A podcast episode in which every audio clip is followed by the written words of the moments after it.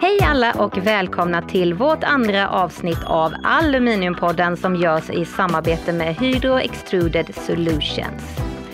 Jag sitter ju här då med min härliga kollega Rut och i dagens avsnitt så kommer vi ta och snacka om ett väldigt hett ämne inom aluminium, legeringar. Vi kommer även ta ett snack med Desiree på Emma-Ljunga för att prata lite om deras barnvagn som produceras med en av våra nya gröna produktserier, nämligen Hydro Reduxa. Vad kommer vi mer berätta om där ute? Ja, jag tänkte ju berätta om ett projekt i vårt smältverk ute i Sjunnen som innebär att vi nu kan smälta ner lackat skrot från våra kunder och smälta om för att göra nya produkter. Alltså det är ju helt fantastiskt. Mm. Och självklart kommer ni även att få höra en ny aluminiumgåta. Det ser jag fram emot. Jag har legat i hårdträning sedan förra gången. Ett fullspäckat avsnitt helt enkelt. Jag tycker vi kör igång direkt. Ja, det gör vi. Nu kör vi!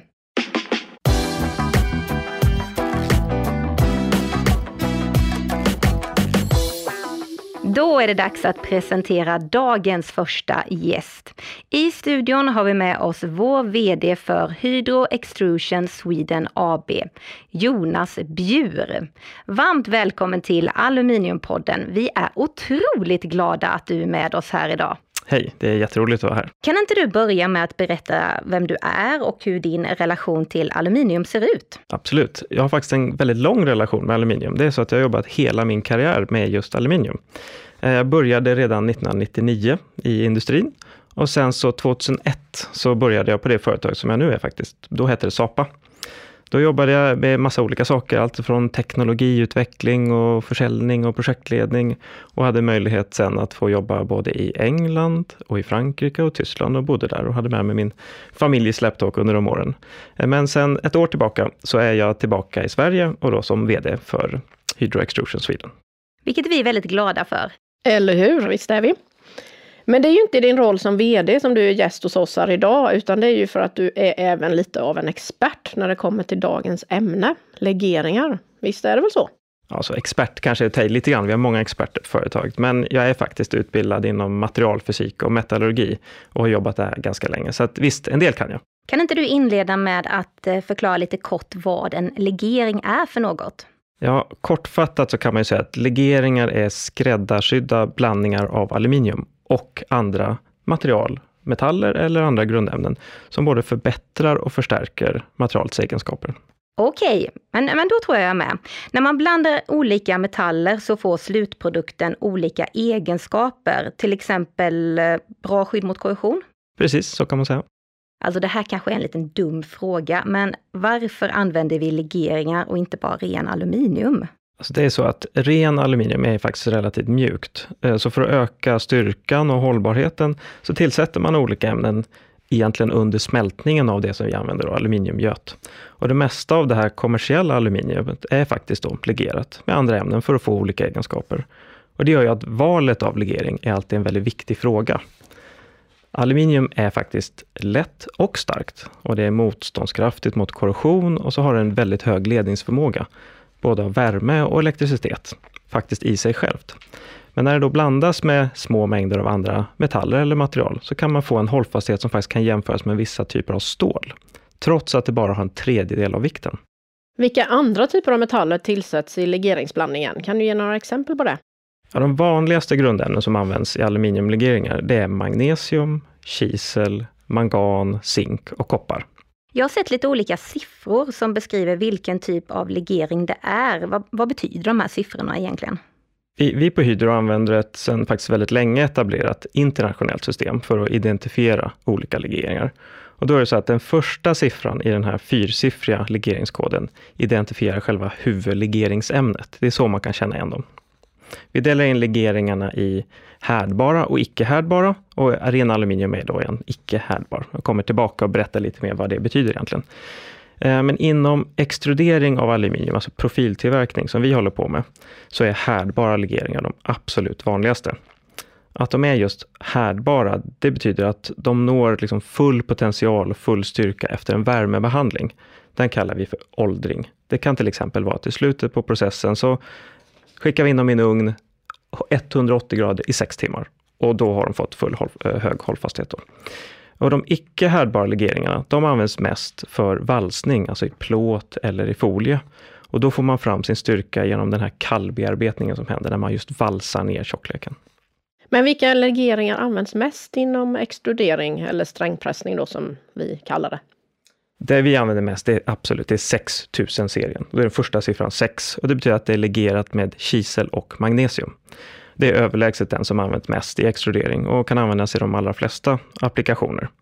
Hållfastheten kan bli faktiskt ganska hög för de här typerna av legeringar och det lämpar sig även bra för anodisering. Det är en typ av ytbehandling och därför används den ofta i dekorativa föremål. 6000-serien är just eh, den legering som används mest för aluminiumprofiler och, och användningsområden är som jag sa väldigt många. Eh, men det finns ju undergrupper inom en serie sådär och då, de två vanligaste legeringarna som vi använder det kallas för 60-60 och 60-63. De är ganska lika. 60-63 har till exempel lite högre hållfasthet. De är väldigt bra högkorrosionsbeständiga. Eh, de är lätta att bearbeta och svetsa och de får faktiskt en, en väldigt snygg yta efter anodisering. Så då används de ofta då i applikationer som kräver en väldigt högkvalitativ yta och, och kanske där hållfastheten inte är den enda avgörande faktorn. Så man hittar dem ofta i fönster, i möbler eller kanske i takräcken på, på bilar. Men behöver man en ännu högre hållfasthet så kan en legering som heter 6082 vara ett bra val. Den är också väldigt vanlig. Den används, används ofta i olika byggnadskomponenter eller i andra konstruktionsdelar där man behöver en lite högre hållfasthet. Även i, ofta i komponenter som går in i, i bilar eller tåg. Det kan vara lite svårare att få till den här riktigt höga ytfinishen med de här lite högre hållfasta legeringarna och det kan vara viktigt att, att känna till. Sen har vi många kunder inom både marin och offshore-industrin och där använder man faktiskt ofta en legering som heter 5083. Då är vi på 5000-serien. Eh, då är det magnesium som är legeringsämnet, huvudlegeringsämnet. Och den har också väldigt bra hållfasthet just efter svetsning och den har en väldigt hög korrosionsbeständighet, speciellt i saltvattenmiljöer som är bra då i marin. Och därför så används den ofta när man tillverkar till exempel fartygsskrov. Sen går vi vidare uppåt i siffrorna, då kommer vi till 7000-serien. Eh, den används ofta när väldigt hög hållfasthet är ett krav. Och då är det zink framförallt, även lite mangan som används för att få upp den här hållfastheten och den har även också bra korrosions och svetsegenskaper. Men man måste tänka på att ju högre hållfast legering man använder, desto svårare är det faktiskt att pressa den och göra själva profilen. Så det är väldigt viktigt att man tänker på att utvärdera legeringsalternativen så tidigt som möjligt i designfasen. Oj, det var mycket. Vad intressant! Det finns alltså väldigt många olika legeringar att välja på. Men hur vet jag vilken legering som passar just mina behov? Ja, det är ju mycket att tänka på, men, men det finns ett antal faktorer som, som man faktiskt måste ta i beaktande när man väljer legering. Och några av de här är då, vilken styrka behöver man ha? Hur ska yt, ytfinishen se ut? Eh, är det några speciella krav vad gäller korrosion eller svetsbarhet? Eller vad finns det för möjligheter med just bearbetningen? Och såklart i slutändan så måste man ju förstå vad får man för produktionsekonomi när man väljer de olika materialen. Men jag tycker att man ska faktiskt ta och kontakta några av våra väldigt duktiga säljare för att hitta den här perfekta legeringen, i och med att det är mycket att tänka på. Och vi jobbar ju med det här dagarna ända, så vi, vi kan verkligen ge väldigt goda råd och säkerställa att både legering och design ger den bästa kombinationen av att liksom använda de metallen och att slutprodukten eh, får en riktigt bra prestanda. Eh, finns det något annat man bör tänka på när det handlar om legeringar och design? Ja, som jag nämnde lite grann så är det så att valet av legeringar påverkar faktiskt vilken design som överhuvudtaget är möjlig att tillverka. Så allt ifrån då den minsta möjliga godstjockleken till vilka toleranser som man kan klara, det påverkas faktiskt av vilken legering man använder. Eh, men det bästa sättet att säkra att man gör rätt och får den bästa produkten, det är att involvera oss så tidigt som möjligt. Våra experter hjälper verkligen gärna till. Tack snälla Jonas för att du var med oss här idag i Aluminiumpodden och lärde oss en massa spännande om legeringar. Ja, verkligen. Det var jätteintressant. Tack så mycket för att jag fick vara med.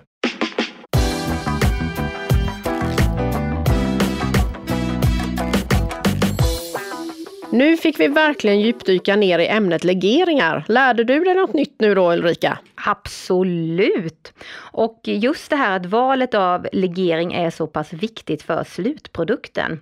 Otroligt intressant! Det kanske man inte tänker på alltid. Nej, Och nu är det dags för en rolig nyhet som jag nämnde inledningsvis. Barnvagnstillverkaren Emma-Ljunga har valt en av våra gröna produktserier Hydro Reduxa till deras barnvagnsserie NXT. Eh, du kanske ska ta och passa på att förklara lite vad Hydro Reduxa är för någonting? Absolut, det gör jag. Hydro Reduxa är aluminium med ett maximalt koldioxidutsläpp på 4 kilo per kilo producerad aluminium. Detta är tack vare användningen av förnybara energikällor som vatten, vind och solkraft. Men för att få veta mer om samarbetet så tycker jag att vi ringer upp Desiree på Emma-Ljunga. Vi gör det nu med detsamma. Hej Desiree och varmt välkommen till Aluminiumpodden. Vi är jätteglada att ha med dig här idag. Ja, men tack så mycket. Det är vi som tackar. Vi tycker det är spännande också. Kan inte du inleda med att berätta lite grann om dig själv och om Emma-Ljunga? Absolut. Emma-Ljunga barnvagnsfabrik eh, designar och producerar då barnvagnar på samma plats faktiskt i södra Sverige där allt började 1925. Eh, det är fortfarande ett familjeägt företag och nu är det i tredje generationen eh, vi exporterar internationellt. Mitt namn är då Desiree Persson och jag jobbar nära ledningen och samordnar kommunikationen med våra hållbara partners. Eh, vi berättade just för våra lyssnare om vårt samarbete och att ni har valt Hydro Reduxa som huvudleverantör till NXT-serien modellår 2021, vilket vi är otroligt stolta över. Kan inte du berätta om bakgrunden till varför ni letade efter ett grönare alternativ till chassit för NXT-serien? Ja, vi har ju då sedan 2003 eh, jobbat mot en eh, tydlig grön vision för företaget och är passionerade både kring vårt eh, miljöansvar och hållbarhetsansvar eh, som svensk producent. Och därför blir då naturligtvis valet av eh, material och leverantörer eh, extra viktigt för oss. Ehm, vi, får, vi, jobbar ju hela tiden liksom med att utvärdera och utveckla nya sätt att göra våra Next-produkter mer hållbara och till och med cirkulära inom en, eh, inom en eh, framtid. Och våra partners måste verkligen dela det här fokuset. Ehm, för oss annars är det eh, inte intressant. Och Next Facit var ju då redan sedan 2017 producerat i upp till 50% återvunnen aluminium. Så vi hade redan ett hållbart material. Men eftersom vi inte slutar undersöka hur vi kan förbättra oss eh, och vårt, eh, vår klimatpåverkan så letar vi hela tiden efter bättre alternativ. Det låter ju väldigt, väldigt klokt. Eh, Hydroduxa är aluminium med max 4,0 kilo koldioxid per kilo producerad aluminium. Hur kommer det sig att valet föll på just det alternativet? Jo, som, som jag nämnde då så producerade vi det här Next Facit i ett annat hållbart material eh, som innehöll upp till 50% återvunnen aluminium. Eh, men vi insåg under vår utvärdering att även om detta material hade fördelar så var koldioxidutsläppet under framställningen mycket högre än just Reduxa. Och vi ser ju holistiskt på hållbarhet eh, och försöker själva göra fabriken så självförsörjande i energi eh, som möjligt för att kunna reducera vårt eh, carbon footprint. Och då kändes det som ett naturligt steg eh, i rätt riktning att byta till just eh, Reduxa för våra Next-chassin. Mm. Och du nämner nu er gröna version. Kan du, ja, kan du utveckla lite mer vad den innebär? Ja, vår gröna vision innebär att vi på sikt inte bara kommer att offerera återvinningsbara produkter utan vi kommer börja återproducera produkterna med det hållbara material det är gjorda av från början. Så eh, helt enkelt skapa en cirkulär produktion. Eh, vi bygger även om fabriken eh, till att bli så självförsörjande som möjligt, vilket för tillfället då innebär att vi har ett internt vattenreningssystem Eh, Eh, vi eh, återvinner vår spillvärme från vissa produktionsmoment ehm, till att värma fabriken ehm, och vi har eh, 1500 ehm, kvadratmeter solpaneler installerade på fabrikstaket. Och ja, det finns jättespännande planer för framtiden hur vi kommer, nästa steg vi ska ta med fabriken. Och det gör en verkligen stolt att fortsätta producera i Sverige och speciellt då med våra utvalda leverantörer. Otroligt spännande! Verkligen! Eh, tack snälla Desiree för att du ville vara med i Aluminiumpodden idag. Tack själva, tack tack!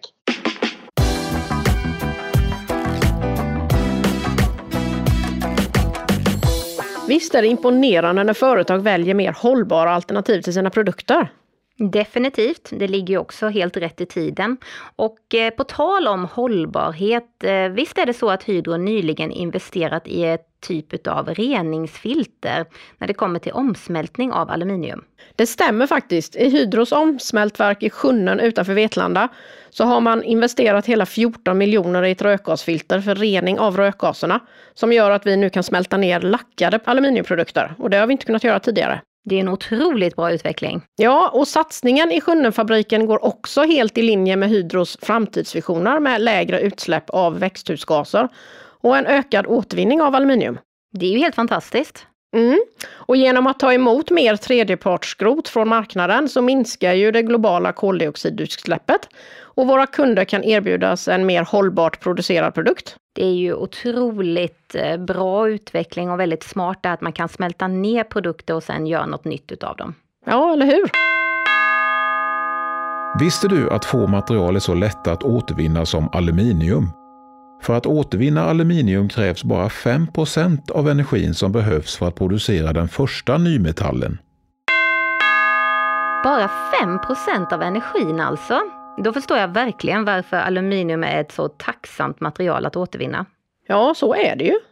Men faktum är att hela 75% av allt aluminium som någonsin har producerats är fortfarande i bruk än idag. 75 Det är verkligen imponerande.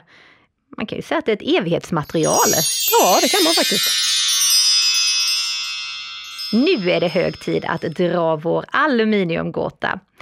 Eh, jag har legat i hårträning sedan senaste gången. I varje avsnitt så kommer vi läsa upp en gåta om något aluminiumrelaterat, alltså det kan vara en specifik produkt eller en egenskap. Och när man tror sig veta svaret på frågan går man in på vår Facebook-sida Norsk Hydro och skriver sitt svar i kommentarsfältet till inlägget Aluminiumgåtan avsnitt 2. Och sen kommer vi dra en vinnare som kontaktas och får ett fint, fint pris på posten.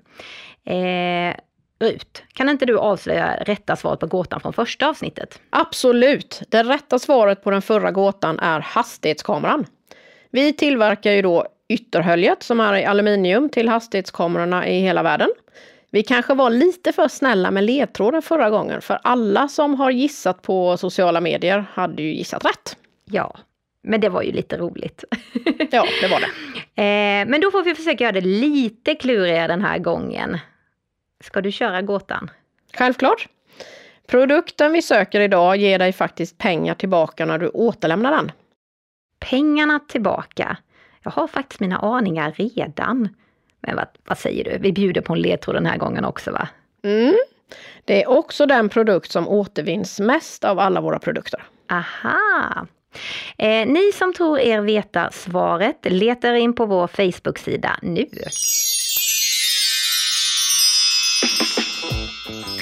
Det går fort när man har roligt och det börjar dessvärre bli dags att runda av här. Eh, men innan vi säger hej då, kan inte du berätta lite grann om vad som händer i nästa avsnitt av Aluminiumpodden? Jo, det ska jag göra. I nästa avsnitt så kommer vi bland annat att bjuda på ytbehandlingar, lite mer nytt från branschen och sen så får du en ny chans att klara en gåta om aluminium såklart. Det ser jag verkligen fram emot redan nu. Tack snälla för idag Rut och tack alla ni som lyssnat där ute. Tack allihopa! Hej då!